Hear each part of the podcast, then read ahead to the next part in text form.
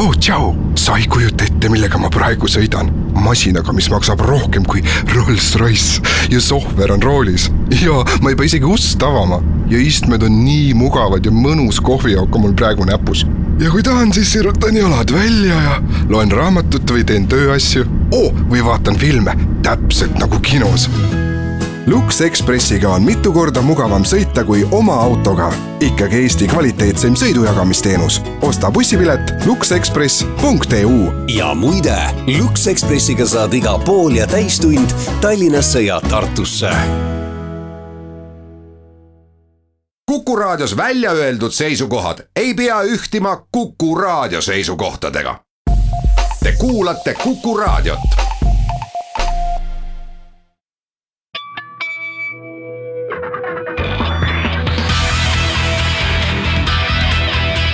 õigus ja õiglus. tere päevast, tänases saates äh, räägime laiemalt rahapesust, loomulikult kantuna sellest, äh, mis äh, on sel nädalal palju teemat andnud ja ja tõenäoliselt see teema kandub veel aastateks, enne kui selles teemas rohkem selgust saab, kui tänaseks teada on, jutt on siis Danske panga Eesti filiaalis toimunud rahapesust, kus räägitakse astronoomilistest summadest, aga täna me väga selgelt ei saa vastata küsimusele, et kas kõik need mitteresidendid, kes liigutasid Danske pangas arvetel raha, ja see raha, mis liigutati, kas see kõik oli seotud rahapesuga. ja olen palunud täna saates külalisteks Soraineni majanduskuritegude vastu võitlemise üksuse juhi, vandeadvokaat Norman Aasa ja teine külaline on Eesti Rahvusringhäälingu uudistejuht Anvar Samost, saatejuht on Janek Luts, kõigepealt kui kasutada ära teie professionaalseid teadmisi, Norman, sinu õigusalased teadmised ja teadmised eelmisest elust, ehk siis eelmistest töökohtadest, mis ei olnud vandeadvokaadi töö, siis kuidas sina seletaksid lahti, mida me saime sel nädalal siis tegelikult teada, kui me räägime Danske rahapesu juhtumist? See, mis me see nädal teada saime, oli siis minu jaoks see, et läbi siis Danske panga äh, siis mõned aastad tagasi äh, liikus, liikus väga suur hulk raha, mis olid seotud siis mitteresidentidega, ehk siis kes ei olnud äh, Eesti kodanikud. Ja on teatud siis tunnused nii nende klientide kui ka nende ülekannete puhul, mis tõstatab kahtluse, et tegemist võib olla rahapesuga. samas raport küll otseselt kuskil ei ütle, et tegelikult äh, see ülekanded olid konkreetselt seotud rahapesuga. jutt on praegu ikkagi Danske panga enda raportist? jaa, tõepoolest, tegemist on selle raportiga, et ega ametlikke kriminaalmenetluste tulemusi ju kuskil veel teada ei ole, et need menetlused alustati alles üsna hiljaaegu tagasi. Anvar et mida me teame. Äh, noh, esiteks ma ei tea, võib-olla siin kõik on väga erutatud nendest äh, täiesti müstilistest äh, rahanumbritest, mis on siin iga nädalaga kerkinud, küll on räägitud alguses viieteistkümnest miljardist, siis kolmekümnest miljardist ja lõpuks vist lausa kahesaja ja kahesaja kolmekümnest miljardist eurost, et et ma ei ole küll ei pangandusspetsialist ega ka rahapesuga väga otseselt kokku puutunud, aga nii palju, kui mina rahapesust aru saan, siis selle üks nagu Äh, osa tihti on äh, raha liigutamine erinevate ülekannetega erinevate ettevõtete või arvete vahel ja noh, tihti võib juhtuda, et seda ühte raha liigutatakse sõna otseses mõttes nagu kümneid või isegi sadu kordi, nii et kui see mingisuguse rahapesu nii-öelda nii-öelda osa, osaline pank oli seesama Danske pank, siis võib-olla noh, tegelikult summad võivad olla kümme või ma ei tea, isegi sada korda väiksemad, sellepärast et üks ja sama raha, mis kuulus mingile omanikule, liikus lihtsalt väga-väga palju kordi ja iga kord tekitas uue nagu käibe. et, et nii see võib olla tõesti, arvestades ka seda, et siin on nüüd kaks nagu suuremat juhtumit, mida on nimetatud siis äh, Aserbaidžaani juhtum, Magnitski juhtum ja vist oli ka Moldova juhtum kuidagi otsapidi seotud Danske pangaga, et, et seal need summad, mis tegelikult ära varastati või siis kõrvale toimetati, et need olid ju ikkagi suurusjärkude võrra väiksemad summad, aga noh, tõenäoliselt siis sarnaselt paljudele muudele, sarnaselt äh, välja viidud Venemaalt või siis muudest riikidest välja viidud rahale, seda noh, liigutati väga mitmeid kordi erinevate ettevõtete vahel. Ja noh, nii kui ma aru saan, siis kui nüüd peaks tulema näiteks Eesti või Taani prokuratuurilt mingi süüdistus äh, kohtusse, kui me nii kaugele jõuame, et siis äh, see kindlasti ei tule Äh, selliseid numbreid sisaldama, et seal ei saa olema kahtesadat või kolmekümmet miljardit, et kindlasti võib-olla me oleme pettunud, me loeme, et seal jutt käib võib-olla mingist mõnekümnest miljonist, äh, aga võib-olla veel väiksematest rahadest. Ja võib-olla, võib-olla see süüdistus ei keskendu üldse mitte rahapesule, vaid äh, mingitele muudele kuritegudele, maksukuritegudele või, või lihtslabastele vargustele või muule sellisele. Kui püüda nüüd aru saada ka seda, et kui me räägime Äh,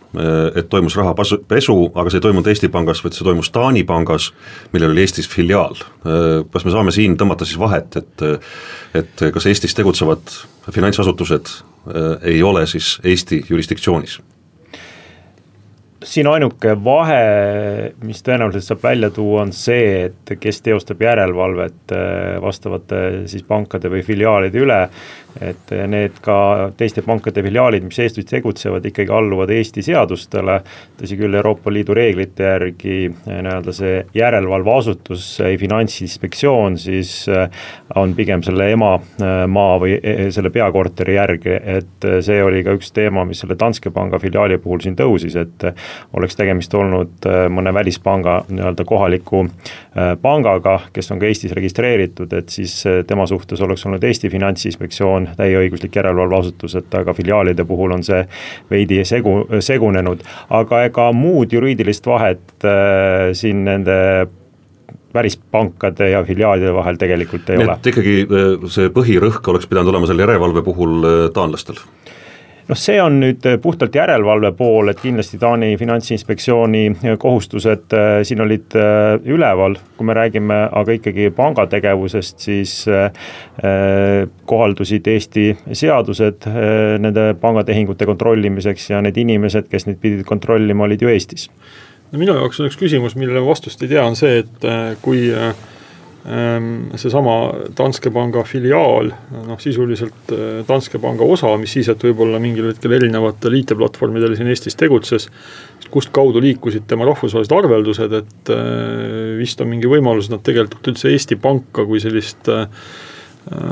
Eesti, Eesti, Eesti filiaali? ei, Eesti Panka suurte tähtedega, Eesti Keskpanka kui kliiringasutust ei läbinud. et sellisel juhul tegelikult Finantsinspektsioon ja Eesti Keskpank ka tegelikult ei pruukinud üldse mingit signaali omada selle kohta, et sellised suured käibed siin nagu ühes äh, välispanga filiaalis äh, toimusid, et sellele ma ei oska vastata, ma ei ole, ma ei ole ka sellele kuskilt nagu sellist konkreetset vastust näinud nagu aga, aga järelevalve mõttes ma saan aru, et Eesti Finantsinspektsioon ju tegelikult äh, ka neid filiaale jälgib kindlasti selles võtmes, et ta vaatab Eesti äh, pangandussüsteemi äh, üldisi süsteemseid riske, et kui ühes süsteemi osas, milleks võib olla ka Välispanga filiaal, hakkavad kuhjuma mingid riskid, siis ta kindlasti selle süsteemse stabiilsuse nimel peab võtma midagi ette kindlasti jah, aga me siin juba kohe tõstame selle probleemi nii-öelda järelevalve, riikliku järelevalve tasandile, et, et noh, me peaksime tegelikult alustama sellest, et mis seal pangas tegelikult toimus ja kas need panga enda äh, kaitsemehhanismid äh, siis toimisid ja mis põhjusel nad tegelikult ei toiminud, et no, see on jah, tegelikult peamine küsimus. aga, aga noh, siin võib-olla ma nagu tahaks ka võib-olla pikemalt nagu ajalukku minna, et äh, ilmselt nagu paljudele inimestele noh, noorematest inimestest ma ei hakka rääkima. Äh, Danske panga filiaali nimi ei ütle üldse eriti midagi, võib-olla paljudel on seal olnud eluasemelaen või midagi taolist. aga tegelikult on ju mitme nimevahetuse läbi äh, tegemist sama pangaga, mis üheksakümnendate aastate keskel kandis nime Forex Pank ja Forex Pank äh, oma sellise edukama perioodi vältel, mis langeski kuskil sinna üheksakümnendate aastate keskpaika, oli väga avameelselt ja ausalt pank, mis ütles, et nemad teenindavadki väga suures osas Venemaalt ja teistest äh, SRÜ riikidest pärit kliente, äh, olles nagu selliseks väravaks läände ja noh, tollal küll rahapesu termin oli väga hästi tuntud, aga seda tegevust nagu ikkagi tegelikult keegi vähemasti minu mälu järgi rahapesuga ei seostanud, et seal pangajuhtidest vist mõnel oli ikka mingeid üsna ebameeldivaid kogemusi Venemaal äh, sealsete õiguskaitseorganitega, mis ei viinud vist ühegi nagu tõsisema äh, tagajärjeni, aga ka siis ka Eesti poolt vaadati seda niimoodi, et, et Vene ametivõimud tõenäoliselt on korrumpeerunud ja kiusavad meie tublisid äh, pankureid, mis võis ka tegelikult vabalt nii olla, ma ei oska jällegi täpselt nagu öelda. aga ärimudel oli üles ehitatud igal juhul seal üheksakümnendate keskel väga sarnaselt sellele Äh, millisena seda ärimudelit viljeleti ju veel ka selle aasta alguseni mitmetes Läti pankades ja, ja noh, minu poolest mitmetes äh, Šveitsi või Austria pankades. Äh, ja noh, selle taustal, mis toimus näiteks Parex pangas või, või Rietumu pangas või mingites muudes Läti pankades üheksakümnendatel oli Forex ikkagi tegelikult pigem selline väike ja suhteliselt noh, kuidas öelda, väheagressiivne tegija. et mul isiklikult on olnud võimalus ju Lätis äh, ametiga seoses käia aegadel, kui Parex pangas ja veel mitmes Läti pangas oli võimalik endale täiesti seaduslikul teel hankida äh, pangakonto, igalühel tegelikult, äh, millel ei olnud isikuga seotud mitte midagi, see oli numbriarve, mille juurde käis siis mingi koodikaart, kui ma õigesti mäletan, ja kelle iganes käes see koodikaart oli, võis selle pangakontot kasutada sellisel viisil, nagu tema oma parema äranägemise juures seda nagu heaks pidas. Ja see praktika lõppes seal vist kuskil alles kahe tuhandenda aasta paiku eh, koos Läti liitumisega Euroopa Liiduga ja mit-, ja on, oli Euroopas ju riike, kus see numbriarvete eh, teema kestis ju vist viimaste aastateni Šveitsi puhul, eh, küll mitte võib-olla nii nahaalsel kujul, aga põhimõtteliselt siiski ja needsamad Läti pangad kes siin aasta alguses raskustes olid, eelkõige siis sama ABLV, aga mitmed muudki, nemad ju pakkusid sellist virtuaalset anonüümse arveteenust, mis seisnes selles, et et oli tekitatud mingitest vahekehadest ja ettevõtetest mingi ahel, mis siis tegelikult lõpuks ikkagi selle arve omanikku muutis nagu noh, suhteliselt selle tegeliku kasusaaja muutis suhteliselt anonüümseks. Ja noh, see ajalugu ongi see, mis ma ajaloo perspektiivi tõin sinna, oluline mõista, et mingil et-, mingi, mingil väga pikal perioodil oli kindlasti tegemist täiesti legaalsete äritehingutega, legaalse äritegevusega, legaalsete praktikatega, mida mitte keegi hukka ei mõistnud ei, ei, ei Euroopa Liidus ei, ei Eesti lähinaabrite juures ega ka tegelikult Eestis. ja noh, küsimus on lihtsalt selles, et kui see regulatiivne keskkond hakkas äh, muutuma eelkõige tänu sellele, et Ameerika Ühendriigid asusid võitlema terrorismi rahastamisega, hiljem siis ka sanktsioone jõustama Venemaa vastu, see regulatiivse keskkonna muutus oli nii kiire, et osad pangandusasutused jõudsid oma äripraktikaid siis nagu korrigeerida ja mõni, ma ei tea, kas ei osanud või ei tahtnud või ei saanud hakkama ja need ongi siis nüüd need, kes nii Lätis kui Eestis on jäänud selle nii-öelda pöördukse vahele. ja kui Forex Pansast sai Sampo pank äh, ja, vahepeal ta jõudis veel ühe nime all olla. ja, ja, ja hiljem siis äh, Danske panga filiaal, siis põhimõtteliselt äh, see kliendibaas liikus kaasa. no see kliendibaas liikus kaasa, sest et noh, ma ei oska nüüd küll nende ostjate kaalutlusi öelda ja ühel juhul müüjaks Sampo panga eel oli vist ka Eesti Keskpank, äh, kes oli seal omanik pärast ühte panganduskriisi. Äh, et kindlasti kõik need omanikud, kes nad võib-olla põhjalikumalt, kes vähem põhjalikumalt, aga igal juhul oma aktsionäride või omanike huve silmas pidades ostmisel tegid väga põhjaliku ülevaatusprotsessi, mida tuntakse sellise termini nagu due diligence, kus ikkagi mitmed-mitmed inimesed päevade ja kuude kaupa töötavad kõikvõimalike nii-öelda riskide väljaselgitamisel ja noh, ma arvan, et äh, ka tegevuste, erinevate tegevuste kasumlikkuse väljaselgitamisel, klientide tundmaõppimisel ja noh, vaevalt, et see Sampo või Danske poolt nagu tegemata jäi omal ajal ja kindlasti oli olemas väga aru, noh, adekvaatne pilt sellest, millised on panga ühed kõige tulutoovamad ärisuunad, nagu see, see, see on nagu täiesti, ma arvan, Äh, noh, vaieldamatu fakt, et nii see pidi olema, kui see ei olnud, siis on tegemist ikkagi kuritegeliku hooletusega. et äh, ma olen äh, selle seisukohaga tegelikult nõus, et, et esiteks läbi viimase kümnendi ja rohkem aja on esiteks pangandusmaailm väga palju muutunud, ka need viimased, viimased nii-öelda rahusadamad nagu Šveits ja muud riigid on tegelikult ka väga palju oma pangandusreegleid muutunud ja, ja, ja mis põhjustel inimesed on otsinud varem selliseid anonüümseid võimalusi omada kontosid pankades, eks need on nagu olnud erinevad ja võib-olla need probleemid, mis sellega on kaasnenud, ei ole olnud ka varem suuremad, aga see märkus, et tõesti USA eestvedamisel need reeglid on kogu aeg nii-öelda rangemaks tehtud erinevate terroristlike probleemide tõttu on tõsi. ja kindlasti siin on oma osa ka see, et, et see, mida täna me näeme pro probleemina, omal ajal probleemina ei näinud ja kindlasti nende ostu-müügitehingutega tegelikult see kliendiportfell tuli ju kaasa ja sellest kindlasti äh, panga nii-öelda ostjad pidid olema teadlikud, et sellise profiiliga kliendid neil seal on ja see tegelikult oligi nende no aga samas, samas me ka ei tea, et need kliendid oleks toona olnud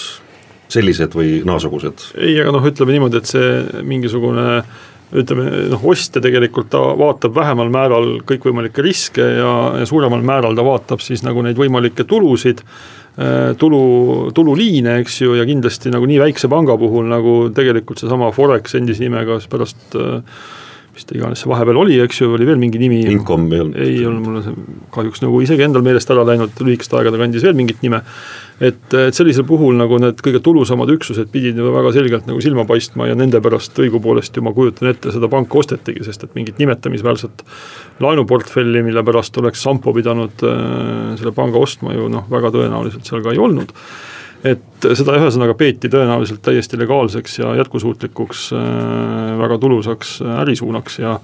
ja ka hiljem, noh tegelikult äh, pank on kindlasti üks selline asutus, kus aruandlus on üsna äh, noh, tihe ja, ja, ja nõudlik äh, kuude, kindlasti kvartalite, aastate lõikes ja erinevate siis nii-öelda tulu, tululiikide ja üksuste lõikes, et kindlasti see, et kuskil on mingisugune äh, suhteliselt äh, väike personali poolest väike üksus, mis toob panka väga olulise osa panga tuludest, ma sellest samast Danske oma raportist vaatasin, et vist aastal kaks tuhat kolmteist või mis iganes aastas võis olla, või kaksteist, selle üksuse tulud andsid vist mingi ligi üheksakümmend kaks protsenti või midagi taolist kogu selle Taani, Taani, Taani panga Eesti üksuse kogutuludest, et noh, see kindlasti ei ole asi, mis jookseb kuskilt radari alt nagu muuseas läbi. et noh, vastasel juhul jällegi ma ütlen, et tegemist on sellise ikkagi noh, äh, ränga juhtimisveaga pigem nagu, et siis äh, või millegi taolisega, et äh, asja, ajad on väga kiiresti muutunud, ajad on väga kiiresti muutunud ja ja, ja ma arvan, et ükskõik millise Eestis tegutseva panga juurde minna ja uurida seal neid aastaid kuskil kahe tuhande kümnenda ja kahe tuhande kaheteistkümnenda aasta vahel, siis me näeme, et on suletud mingisuguseid üksuseid, mõnes pangas väiksemaid, mõnes suuremaid,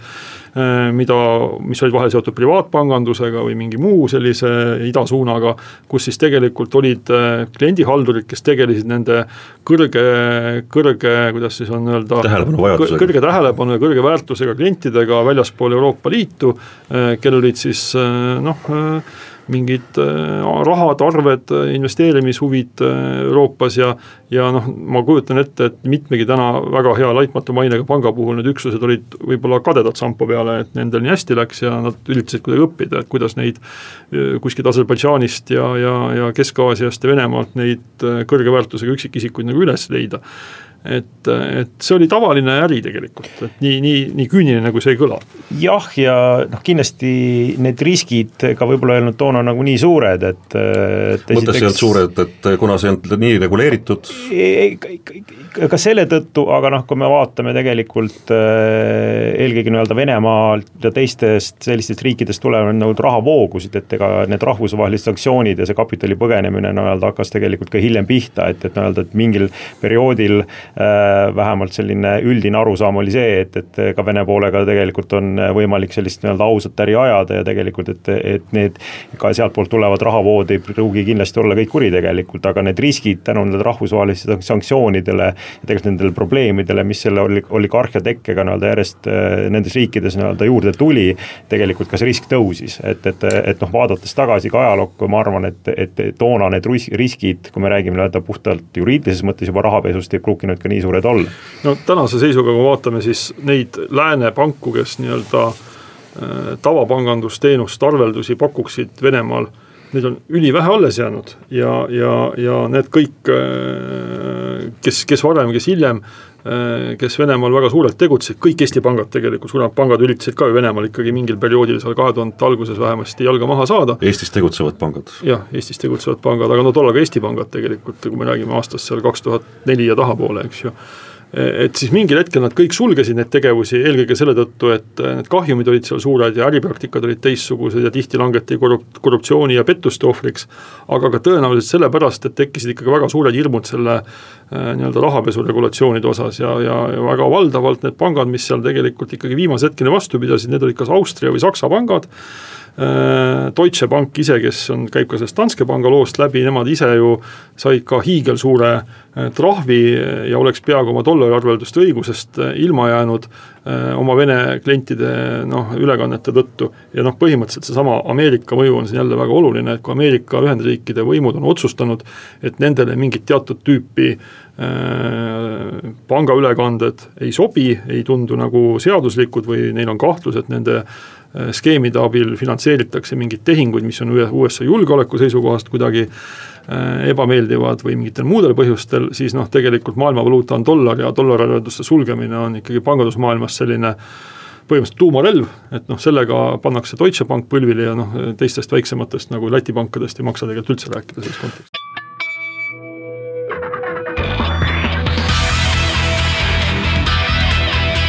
õigus ja õiglus. Jätkame tänast saadet, räägime rahapesust, stuudios on äh, Soraineni majanduskuritegude vastu võitlemise üksuse juht, vandeadvokaat Narmo Naas ja teise külalisena kunagine majandusajakirjanik, tänane Eesti Rahvusringhäälingu uudistejuht Anvar Samost, saatejuht on Janek Luts, Norman, ma tuleksin äh, ühe aspekti juurde tagasi veel, sissejuhatavas osas püüdsime anda ülevaate, mis seis selle äh, tänase teadmiste juures on siis selle Danske skandaaliga, kuid äh, palju räägitakse ja vaadatakse millegipärast prokuratuuri poole täna, et justkui prokuratuur oleks jätnud midagi tegemata. Äh, sinu eelmine elu, kui sa vaatad sellele tagasi äh, ja, ja sellele tänasele seisule, et siis kui õigustatud see on nüüd? kui me vaatame sellist rahapesuvastast võitlust äh, laiemalt, et äh, ka siin tegelikult kehtib väga selgelt see põhimõte, et ennetamine on alati odavam kui äh, tagantjärgi selle tõe tuvastamine. Ja ka need rahapesuvastased reeglid täna on tegelikult sätitud nii, et äh, see põhikontrolli äh, koht on pandud täna nii-öelda pankadele, kes peavad reageerima tegelikult kahtluste peale, et äh, kui on klient kahtlane, kui on ülekanne kahtlane, siis on kaks varianti, et kas nad peatavad selle ülekande, küsivad nii-öelda täiendavaid andmeid juurde ja kui ei ole need andmed piisavad, et seda ülekannet teha, siis tegelikult seda ülekannet pank ei pea tegema. ja teine pool on see, et anda teada siis rahapesu andmebüroole nendest kahtlastest tehingutest ja tõsi on ka see, see, et äh, pank tegutseb väga palju sellise kahtluse alusel, ükskõik kuidas see kahtlus täna nii-öelda tuvastatakse, kas on meie erinevad arvutialgoritmid, kes nii-öelda välja, välja raalivad neid kahtlasi nii-öelda ülekandeid või on puhtalt ka äh, füüsilise isiku poolt mingeid dokumente kontrollides kahtlust võimalik tuvastada. et see on see põhikoht, eh, kus pangad tegelikult peavad sekkuma ja see on ka põhietteheide olnud täna Danske pangale. et, et ega juriidiliselt täna ei ole seda kuskilt veel tõestatud, et see kakssada miljonit või mis iganes. miljardit.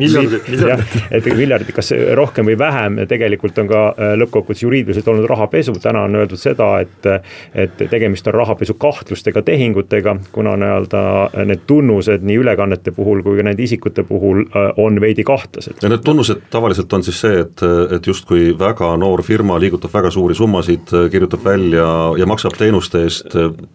isegi tänapäeval on minu meelest see läinud veel oluliselt lihtsamaks, et, et tegelikult pankadele kehtivad juba tükk aega väga ma ei tea, kümnetesse tuhandesse lehekülgedesse ulatuvad mingisugused regulatsioonid, rahapesu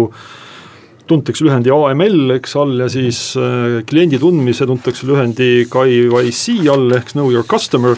ja, ja põhimõtteliselt seal on ikkagi nüüd tänaseks jõutud sellisesse olukorda, et kui pangal ei ole väga põhjalikku teadmist selle kohta, mitte ainult see, et kes klient on, vaid ka see, kuidas klient on oma raha teeninud ja kuidas ta seda raha praegu teenib siis äh, enamus nendest äh, pankadest lihtsalt katkestab selle kliendi teenindamise. tõsi on jah see ja mitte ei tee kuriteoteadet, sest ta ei saa teha kuriteoteadet, sest ta ei tea, kas see raha on kuritegelik. ta isegi ei võta seda klienti nagu töösse, et, et äh, jah, aga ütleme, see rahapesu andmebüroole nii-öelda teate tegemine ei tähenda veel kuriteoteade, et sealt lihtsalt tuleb raporteerida, et noh, meil on kahtlus sellistel, sellistel põhjustel see, mis puudutab see, kuidas pank täna seda rahapesu kahtlust tuvastab, noh, ma ütlen, see tõesti on täna juba omaette teadus ja, ja pankades töötavad paljud inimesed, paljud arvutid selle nimel.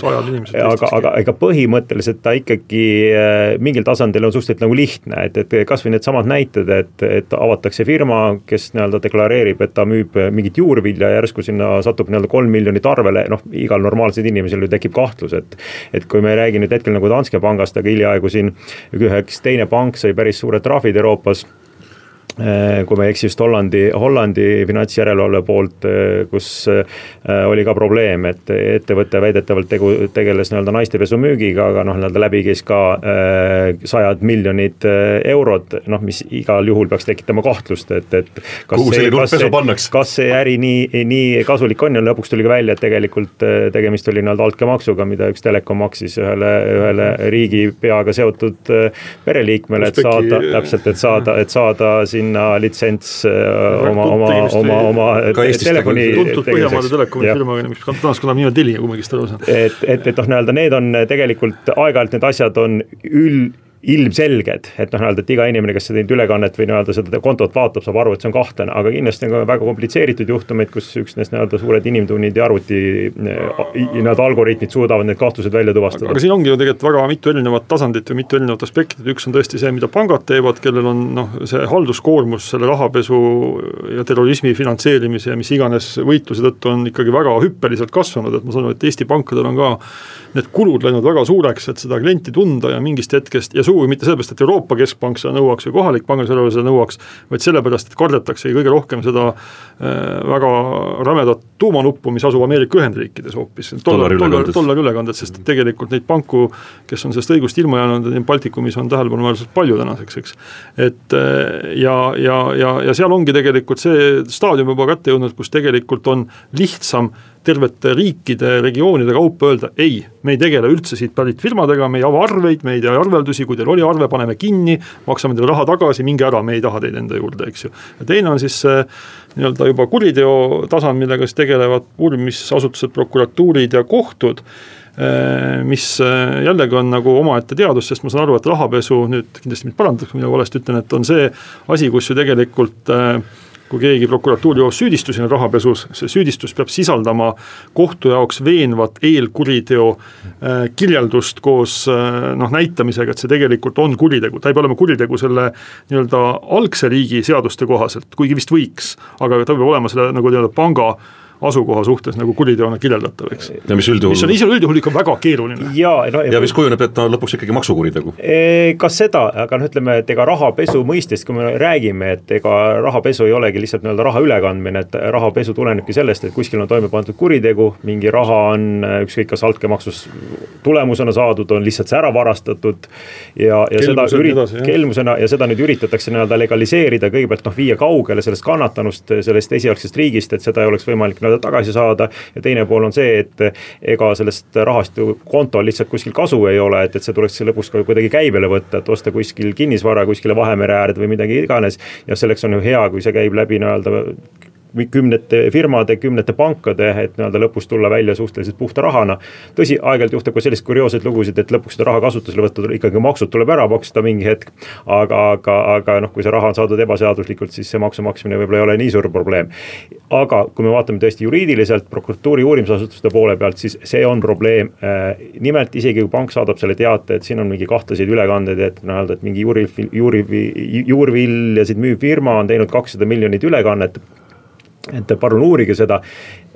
mis see prokuratuur või uurimisasutus sellisel juhul saab teha, okei okay,, ta vaatab, et kus see raha sisse tuli, kus see raha välja tuli, tegelikult ega selle panga ülekandest ei ole veel näha, kus see raha alguse sai tavaliselt. ja kus see nii-öelda lõpuks jõudis, seda ka ei näe. et ikkagi see blind või pime tuleb sisse, sellepärast et me ju ei tea täna ka, et äh, mis raha see oli, mis väidetavalt liikus Venemaalt, Moldovast, Aserbaidžaanist äh,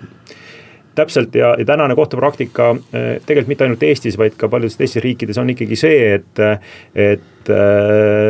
tuleb ära kohtule tõendada, et see pärineb kuriteost, juriidilisest kuriteost, ükskõik, kas see on kelmus, altkäemaksu võtmine. tõsi, täna kohtupraktika otseselt ei nõua seda, et tuleb ette näidata süüdimõistev kohtuotsus seal teisest riigist. aga äh, ikkagi nii-öelda kohus peab olema veendunud, et jah mm., et äh, see pärineb kuriteost ja siin ka prokuratuur on proovinud erinevatel viisidel sellele läheneda, noh, on toonud näiteks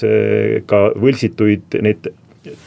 lepinguid näiteks, mille alusel neid pangaülekandeid on nii-öelda äh, toimetatud, siis noh, tavaliselt mingisuguseid dokumente sinna juurde veel võltsitakse, et, et need pangaülekanded või mõeldakse natuke, välja. mõeldakse välja, et nad natukenegi nii-öelda paremad välja näoks, aga kohus on öelnud, noh, see on juba rahapesu, et, et nii-öelda, et see, et, et rahapesu käigus dokumente võltsitakse, ei tähenda seda, et, et nii-öelda, et see esialgne kuritegu sellega kohe tõendatud on. eelkuritegu peab olema, jah. kas need riigid siis äh, on äh, vait? Kui me tea-, aimame, et need kuskilt sealt riikidest see raha tuli, siis lähteriigid on vait, nad ei anna teada, et see raha, mis liikus sinna no,, võib olla selliste tunnustega. siin ju tihti võib olla tegemist sellega, et see rahapesu äh, tehakse selle riigi võimul olevate isikute nimel, eks ju, et äh, kui me räägime Kesk, Kesk-Aasia nendest äh, riikidest, siis seal tegelikult väga suure osa sellest rahast, mis siis oma rahva käest või oma maksumaksjate käest varastatakse, pestaksegi ikkagi tegelikult äh, massiivselt läbi Lääne-Euroopa ja äh, kogu selle riigiaparaadi toel ja heakskiidul ja noh, kui sinna õigusabipalve saata, ma kujutan ette, et noh, sealt kas vastatakse, et kõik on korras või ei vastata üldse mitte midagi. jah, tõsi see on jah, äh, kahjuks on nii, et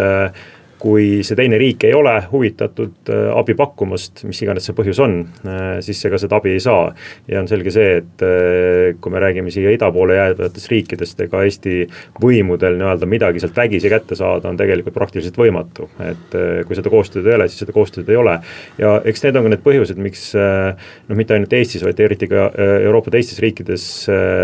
täna pigem keskendutakse sellele, et no kui see raha on ikkagi sealt kontolt nüüd üles leitud, et see lihtsalt ära võtta, isegi kui ei ole võimalik seda eelkuritegu tõendada no.. ja see on tekitatud sellist mis... ümberpööratud tõendamiskoormust, et. mis vist põhiseadusega ei ole väga hästi kooskõlas. jah, et noh, et Eesti, Eesti puhul on see tõesti küsimus. no siis on lihtsam lihtsalt kliendist loobuda. jaa, aga näiteks äh, ühe, Ühendkuningriigides on need seadused üsna karmid ja, ja seal on küll mitmel isegi nii-öelda Vene oligarhil lihtsalt raha ära võetud, kuna tegelikult ta ei suuda kohalikule äh, UK nii-öelda maksuametile tõestada, et see pärineb ausatest, äh, ausatest no, ausast tööst. olles siin suhelnud Eesti nende mitmete pangandustaustaga tänaseks muudesse sektoritesse liikunud inimestega, kes on Vene klientide nii-öelda rahade teenindamisega noh, tegelenud ja tegelevad ka praegu, siis nemad ütlevad, et tegelikult just Suurbritannia paljudest Euroopa äh, jurisdiktsioonidest paistab silma sellega, et tänase päevani tegelikult on seal ikkagi väga tore toimetada. Äh, ükskõik, et kas see raha on siis äh, ausal teel teenitud või ei ole, et igal juhul juba aastal kaks tuhat kaheksateist, kui me räägime tänasest päevast, siis on lihtsam minna, võtta kohvriga raha kaasa ja osta maja pilgudes Londoni kesklinnas, kui tulla ja osta maja Tallinna kesklinnas sellesama kohvriga, kuna Tallinnas kohvriga ikkagi sularaha tehingut väga notar ei taha teha ja maakler ei taha teha ja pank ei taha seda sularaha arvele võtta ja tohutu hulk probleeme tekib. Suurbritannias, nagu ma olen aru saanud, siis täiesti tavaline praktika ongi see, et tuuakse need kaksteist miljonit naela kohvriga kohale ja kuna panka läheb, viib selle raha äh, müüja, kes on pangale hästi tuntud isik, kelle vanaisa võib-olla oli juba samas pangas, siis tal ei teki selle raha arvele võtmisega mitte mingeid probleeme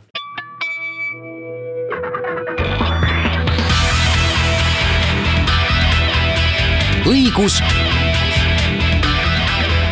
ja õiglus. jätkame tänast saadet, stuudios on Norman Aas, Anvar Sammust ja saatejuht Janek Luts, räägime rahapesust, oleme vähemalt nii palju selgeks saanud, et rahapesu ei ole enam see ainult, et eh, kui sul on eh, teatud kahtlase päritoluga raha, siis piisab sellest, kui sa omad näiteks piisaval hulgal pesumajasid või pitsamüügikohti ja näitad seal suuri käibeid ja saadki siis nii-öelda tundmatut päritolu raha näidata legaalsena pärast arve peal, sest lihtsalt nii suured käibed on sinu pitsaahjul või siis pesumasinal, et pesu nii palju on pestud, see on palju keerulisem protsess ja, ja oleme siis püüdnud seda selgust ja tausta avada kuulajate jaoks nüüd viimases osas püüaks nüüd vaadata ka teistpidi, et, et Anvar, sa juba viitasid sellele, et, et ega Eesti seadused või Eesti äh, pangandus- ja finantsruum, finantsteenuste ruum ei olegi nii lihtne, pigem võib ta lihtsam olla mõnes teises täna veel Euroopa Liitu kuuluvas riigis. kas siin saabki üldse rääkida sellest, et me peaksime seadusi veel karmimaks keerama, me oleme ju täna olukorras, kus meil kehtib ka paljuski tänu äh, rahapesu vastu võitlemise äh, ettevõtmistele näiteks esimesest septembrist sel aastal peab olema kuskil paberites kirjas registris nii-öelda tegelik kasusaaja, neid tegelikult neid näiteid võib veel ja veel tuua. Äh, samas kuulates äh, erinevaid äh, advokaate ja õigusinimesi, kes ütlevad, et noh, et jah, me mingid nimekirjad saame, aga, aga et see on lõputu võitlus siis no küsimus on see, et mis hetkest see võitlus muutub tegelikult Eesti ärikeskkonnale ikkagi juba nagu selgelt kahjulikuks, et ei no e-residentide puhul me juba näeme, et just, neil, neil pannakse arveid kinni no,, neil ei avata arveid, kuigi noh, seal raha, mis liiguks, oleks ju noh, kümnetes tuhandetes no, eurodes, mitte siin jah, tõsi on ka see ju, et me ju ei tea, mis e-residentide seltskonnas tegelikult toimub, et, et või vähemasti mul on selline mulje jäänud, et me ikkagi väga täpselt ei tea, et väga suur huvi selle e-residentsuse suunas on ju niivõrd mitte Euroopa Liidu liikmes, liikmesriikidest, kuivõrd Kolmandates. riikidest nagu Ukraina ja Bangladesh ja ma ei tea, mis Aasia riigid veel, eks ju, et et minul isiklikult küll äh, tekib kergeid küsimusi, kui ma kuulen, et äh, tuhanded inimesed kuskilt Kesk-Aasiast või muust sarnasest kandist tahavad kohutavalt Eesti e-residendiks saada ja on väga mures, et nad ei saa siin pangaarveid avada, et, et ma ei ole kindel, aga noh, mina, mina pidasin pigem silmas seda, et, et tõesti, kui on Leningradis, vabandust, Peterburis on saapavabriku aus omanik, kes toodabki alatseid ilma igasuguse irooniata ja ta tahab Eestis osta endale vanalinna korterit. ja tal ei ole see lihtsalt võimalik, sest et ta ei leia Eestist panka, kes oleks tema ausalt teenitud raha nõus vastu võtma ja see on konkreetne näide, mida ma olen kuulnud siin viimastel nädalatel, eks ju. no ma ei tea, kas see on, kas see on nagu mõistlik ärikeskkond, eks ju, et et või siis tavaline Moskvas elav eraisik tahab kahe oma pangakonto vahel raha kanda, on aastaid, aastakümneid Eestis töötanud ja, ja elanud ja nüüd on ta Moskvas. ja tal ei lasta teha kahe talle isiklikult kuuluva pangakonto vahel ülekannet, mida ta on varem sadu kordi teinud, ülekanne tuleb tagasi ja pank ütleb talle väga viisakalt, et rohkem ei saagi. see ei ole normaalne asi tegelikult jah, et äh, siin see probleem tegelikult äh,, kui me räägime seda Danske panga skandaali ja seda nii-öelda järjest suuremat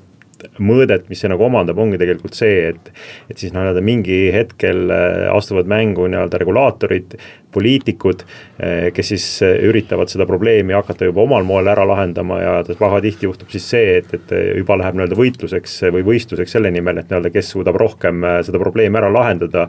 ja paraku see pendel ei jää sinna kesk, keskele seisma, et, et nii-öelda, et või nagu ütleb Eesti van-, vanasõna või nii-öelda kõnekäänd, et see vanker võib käia ühest kraavist teise, et, et. Et likvideerides ühte probleemi, me tegelikult keerame teisest küljest need vindid liiga üle ja tegelikult see on üks oht, mida Eestis võib ka näha, et äh, tõepoolest see nende tingimuste karmistamisega muutub keerulisemaks ka heausksete äh, ettevõtjate ja inimeste elu. sest paradoks on see, et need, kes äh, on kurjategijad, need lõpuks ikka oma tee leiavad Eh, kuidas neid kuritegusid toime panna. aga need tingimused on järgimiseks eh, eelkõige siis nendele ausatele ettevõtjatele, kelle elu on seetõttu, seetõttu raskem. ja see on ka nii-öelda eh, minu jaoks nagu üks probleem, et, et me nüüd nagu liiga kaugele teise serva ei lähe, et öelda, et tegelikult Eestis pangakonto avamine välismaalasel ongi peaaegu võimatu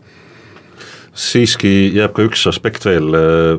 ka me saame, kui me saame rääkida, kas üldse saame rääkida moraalist ja eetikast, sanktsioonid keerasime peale, samas kui me raha päritolu ei ei saa nimetada kuritegelikuks, siis miks me seda raha riiki, riigist läbi ei lase?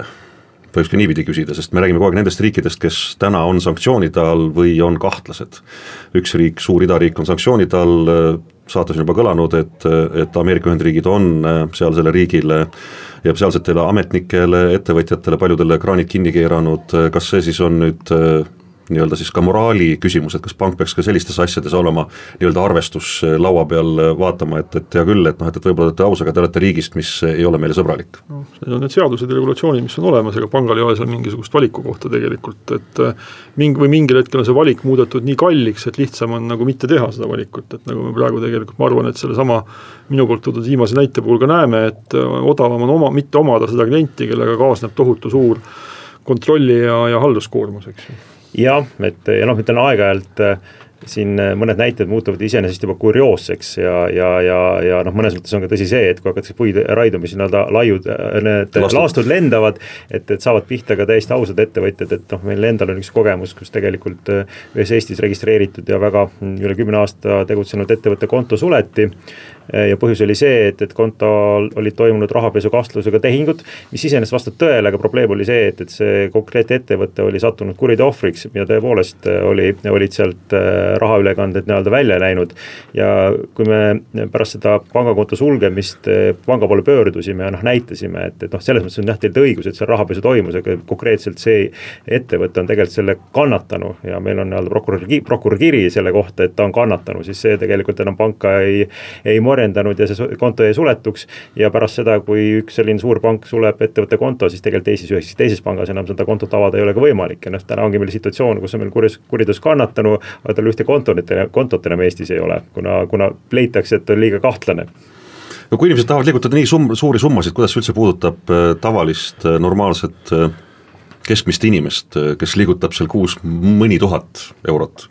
pange siis need äh, kõik asjad karmimaks ja, ja, ja, ja ongi, äh, ongi kõik hästi ju. no ega ta seda tavalist inimest otseselt jah ei puudutagi, aga noh, samas kui see tavaline inimene äh, noh, sõltub ikkagi sellest majanduskeskkonnast, kus ta nagu igapäevaselt tegutseb, siis selle majanduskeskkonna selline noh, kuidas öelda, keerulisemaks muutumine mingeid kaudseid mõjusid ju, ju ilmselgelt, ilmselgelt omab, et, et noh, seesama Läti näide tegelikult seal oli panku erinevalt Eestist ikkagi läbi kahe tuhandendate ja siin veel viimase aastakümnendi jooksul oli kordades rohkem kui Eestis ja oma sellise idasuunalise tegevusega nad kindlasti andsid väga olulise panuse, eriti Riia piirkonna sellisesse jõukusesse. Et kõik need teenustasud ja, ja, ja muud tasud ja, ja mis iganes kulud, mis sinna maha jäid, et et kui see äri nüüd lõpeb, eks ju, ma olen aru saanud, et Lätis on seesama mitteresidentide eh, osakaal panga bilanssides ju dramaatilise kiirusega vähenenud, seal kolm korda vist viimase kolme-nelja kuu jooksul või midagi taolist, et kindlasti ju keegi kaotab töö ja ja mitte tingimata see inimene, kes tegeles päevast päeva rahapesuga, vaid oli lihtsalt raamatupidav ja audiitor või või mis iganes äh, täiesti aus inimene, et et ma nüüd ei ütle, et see on nagu asi, mis oleks kuidagi väga, väga halb, et, et äh, rahapesu kinni keeratakse, aga äh, noh, see, kui see regulatiivne keskkond ikka sellise kiirusega muutub, siis mitte ainult eh, mõni suur Taani pank ei, ei ole nagu eksistentsiaalsete probleemide ees, vaid ka mingid täiesti mitte seotud eh, tavalised inimesed võivad olla. et nii ta on, jah see seadustega võitlemine tuletab mulle meelde, et Norman, sina ütlesid selle lause, et lihtsam oleks ennetada selles samas saates. kuidas sa niisugust asja nüüd pagan võtaks ennetad siis? Noh, kui me vaatame seda konkreetset äh, ka Danske panga äh, skandaali, siis äh, ega üldine hinnang on ikkagi see, et omal ajal teatud ettevaatusmehhanismid põrusid läbi. no aga siis tuleb taanlane ütleb, et aga kust ma tean, et see raha oli kuritegelik, sest keegi ei öelnud, et see oli kuritegelik aga kasum oli magus. ja, ja aga nagu ma eelnevalt välja tõin, et eh, siis pankade tasandil see rahapesuvastane võitlus toimub ikkagi nii-öelda kahtluse alusel ja eh, nii nagu see raport on tegelikult järeldusi jõudnud, et. Eh, et tegelikult need tehingud olid ka toonaste seaduste mõttes nii-öelda märgiga tehingud ja tegelikult pank oleks pidanud nii-öelda reageerima nendesse tõsisemalt. ja see on nüüd see, ja see on nüüd see koht, kus tegelikult on see hinna maksmise küsimus, et, et ühest küljest see, see siin sõltub ka natuke nendest pankurite nagu ettenägelikkusest, et kindlasti Danske Bank ei ole sugugi õnnelik enam selle üle, mis juhtus. see kõik kasum on ära makstud heategevusorganisatsioonidele, üleval on võimalikult suured trahvid. ja noh, looda ja nad kindlasti loodavad, et dollari arveldust neil ära ei keelata, sest noh, see oleks tõesti eksistentsiaalne küsimus juba. et see on tegelikult see koht, mis peaks nii-öelda pankasid üles kutsuma suuremale valvsusele, sest see on see ehk siis omal ajal teatud äh, suurem tähelepanu äh, oleks kindlasti ära hoidnud ka selle suurema skandaali, mis täna on kerkinud. No iseenesest äh, siin vist Janek juba korra küsis seda, aga tõesti ka minu jaoks on natukene arusaamatu, et kui kahe tuhande neljateistkümnendal aastal ikkagi Eesti Finantsinspektsioon nii olulist infot omas, et, et miks siis ikkagi tegelikult juba tollal nagu prokuratuur ei alustanud mingisuguse uurimise või menetlusega, sest et võib-olla siis oleks tõesti see suurem kahju olnud nagu Äh, noh, tegemata, et, et see ei ole küll ennetus, aga, aga noh, kindlasti nüüd see, mis praegu toimub, see on lihtsalt ju nagu suitsevate tukkide nagu ülepritsimine moe pärast, eks. et eks ta tõsi on, et äh, see äh, teema, et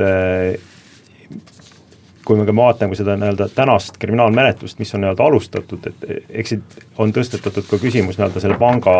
töötajate võimalikust äh, karistusõiguslikust vastutusest, äkki no nemad panid mõne tõe, kuriteo toime. et see võib tõesti ei tulla välja siis, kui need pangatöötajad tegelikult teadsid, et see äh, raha on kuritegeliku päritoluga. et kui tuleb välja, et, et nad lihtsalt kukkusid läbi oma ettevaatlikkuses ja, ja ei, ei raporteerinud piisavalt tegelikult neid tehinguid rahapesu andmebüroole või, või ei peatanud neid tehinguid, et ega siis sellist karistusõiguslikku vastutust äh, pangatöötajatel on suhteliselt raske sellises kaasuses näha. noh, loomulikult enamik on neist kaotanud töö ja pank maksab äh, ja panga aktsionärid on kannatanud suurt kahju aga, aga noh, nii-öelda see on see vastutus, et mis puudutab siin seda, et kas mõni pangatöötaja on pannud toime kuriteo, selleks tuleb ära tõestada, et nad tegelikult teadsid, et mõni rahaülekanne pärineb konkreetset kuriteost. jah, aga samas see pool, kust raha liikus, ei ole kordagi teada andnud, et noh, tegelikult kui me jälgime idanaabri meediat, siis täna vaatamata sellele, et, et Eesti või Taani mainet nii-öelda mitterõõmustav sündmus, sündmuste ahel käib, siis nende meedias väga palju seda teemat ei kajastata no tegelikult eks kui jälle mõelda mingisse aastasse kaks tuhat seitse või sinnakanti tagasi, siis seal vist oli üks hetk, kus ikkagi Vene pangandusjärelevalve saatis Eesti Finantsinspektsioonile mingi kirja. kaks tuhat seitse, kaks tuhat neliteist vist. aga kuidas muidugi tollal seda nagu niimoodi võeti, seda on tänasel päeval väga raske tõekindlalt öelda, aga, aga võib ka olla niimoodi, et seda vaadati kui jällegi mingit arusaamatut äh, Vene äh, majandusruumi sisse kuuluvat erinevate mingite huvigruppide võitlust või mida iganes, eks ju, et me, seda on ka ju tegelikult siin olnud, kui me mõtleme mõne väiksema Eesti panga peale, mis siin ühe panga puhul kestis ju aastaid ja millest ongi väga, väga raske väljaspoolt aru saada, eks. Et eh, noh, see on, see on selles mõttes keeruline ja kahtlemata, sest noh, olid ju tõesti üleval needsamad küsimused, et, et, et pärast Putini võimule tulekut, kui nagu hakkas kapital nii-öelda Venemaalt lahkuma, et siis oli see omaette nii-öelda eesmärk seda Venemaal kinni hoida, isegi ja. kui see ei pärinud üldse kuritegelikkusest ja seda kapitali väljaviimine Venemaalt tehti lihtsalt nii raskeks, isegi kui see oli teenitud ütleme siis otseselt mitte kuritegelikult. lõpetuseks, Norman, kas me saame veel rohkem informatsiooni Danske kohta ja selle juhtumi kohta ja see, kaua see aega võiks võtta üldse avalikkuse jaoks? noh, kindlasti me saame äh, mingil hetkel äh, seisukohad äh,, juriidilised seisukohad siin Taani ja Eesti prokuratuurist äh,, kas kellelgi on alus esitada süüdistus või mitte, ma nüüd ei ennusta ette, et see toimub väga kiiresti, sest äh, selliste äh, asjade uurimine võtab paratamatult äh, pikalt aega, et kindlasti üks nii-öelda tase sellel skandaalil või sellel juhtumisel, juhtumil on kindlasti ees, et, et, et see sellega päris ei lõpe. Anvar no ma arvan, see kestab aastaid, aga, aga noh, mingis mõttes kõik see, mida me näeme, on ikkagi selline noh, äh, pilk tahavaatepeeglisse, et, et pigem on küsimus, et mis, mis nagu, mis nagu kogu sellest äh, pangandusregulatsioonist nagu tegelikult edasi saab, et, et pangandus on iga majanduse toimimise selline väga keskne osa ja ja, ja noh, ütleme nii, et Danske Bank on tänaseks Eestis oma sellisel kujul nagu selgelt ajalugu, et küsimus on pigem selles, et et eh, kuidas selle muutuva keskkonnaga ja, ja kõikide nende riskidega need olemasolevad pangad toime tulevad ja ja, ja noh, kuidas tavaline pangaklient sellest kõigest mõjutatud saab aitäh, Almar Sammust, Norman Aas, aitäh kuulajad, muidugi peab ka lõpuks tõdema, et ega rahapesu kui selline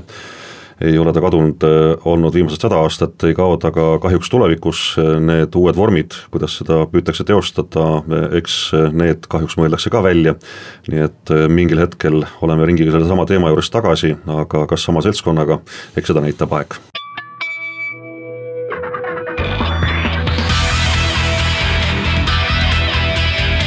õigus ja õiglus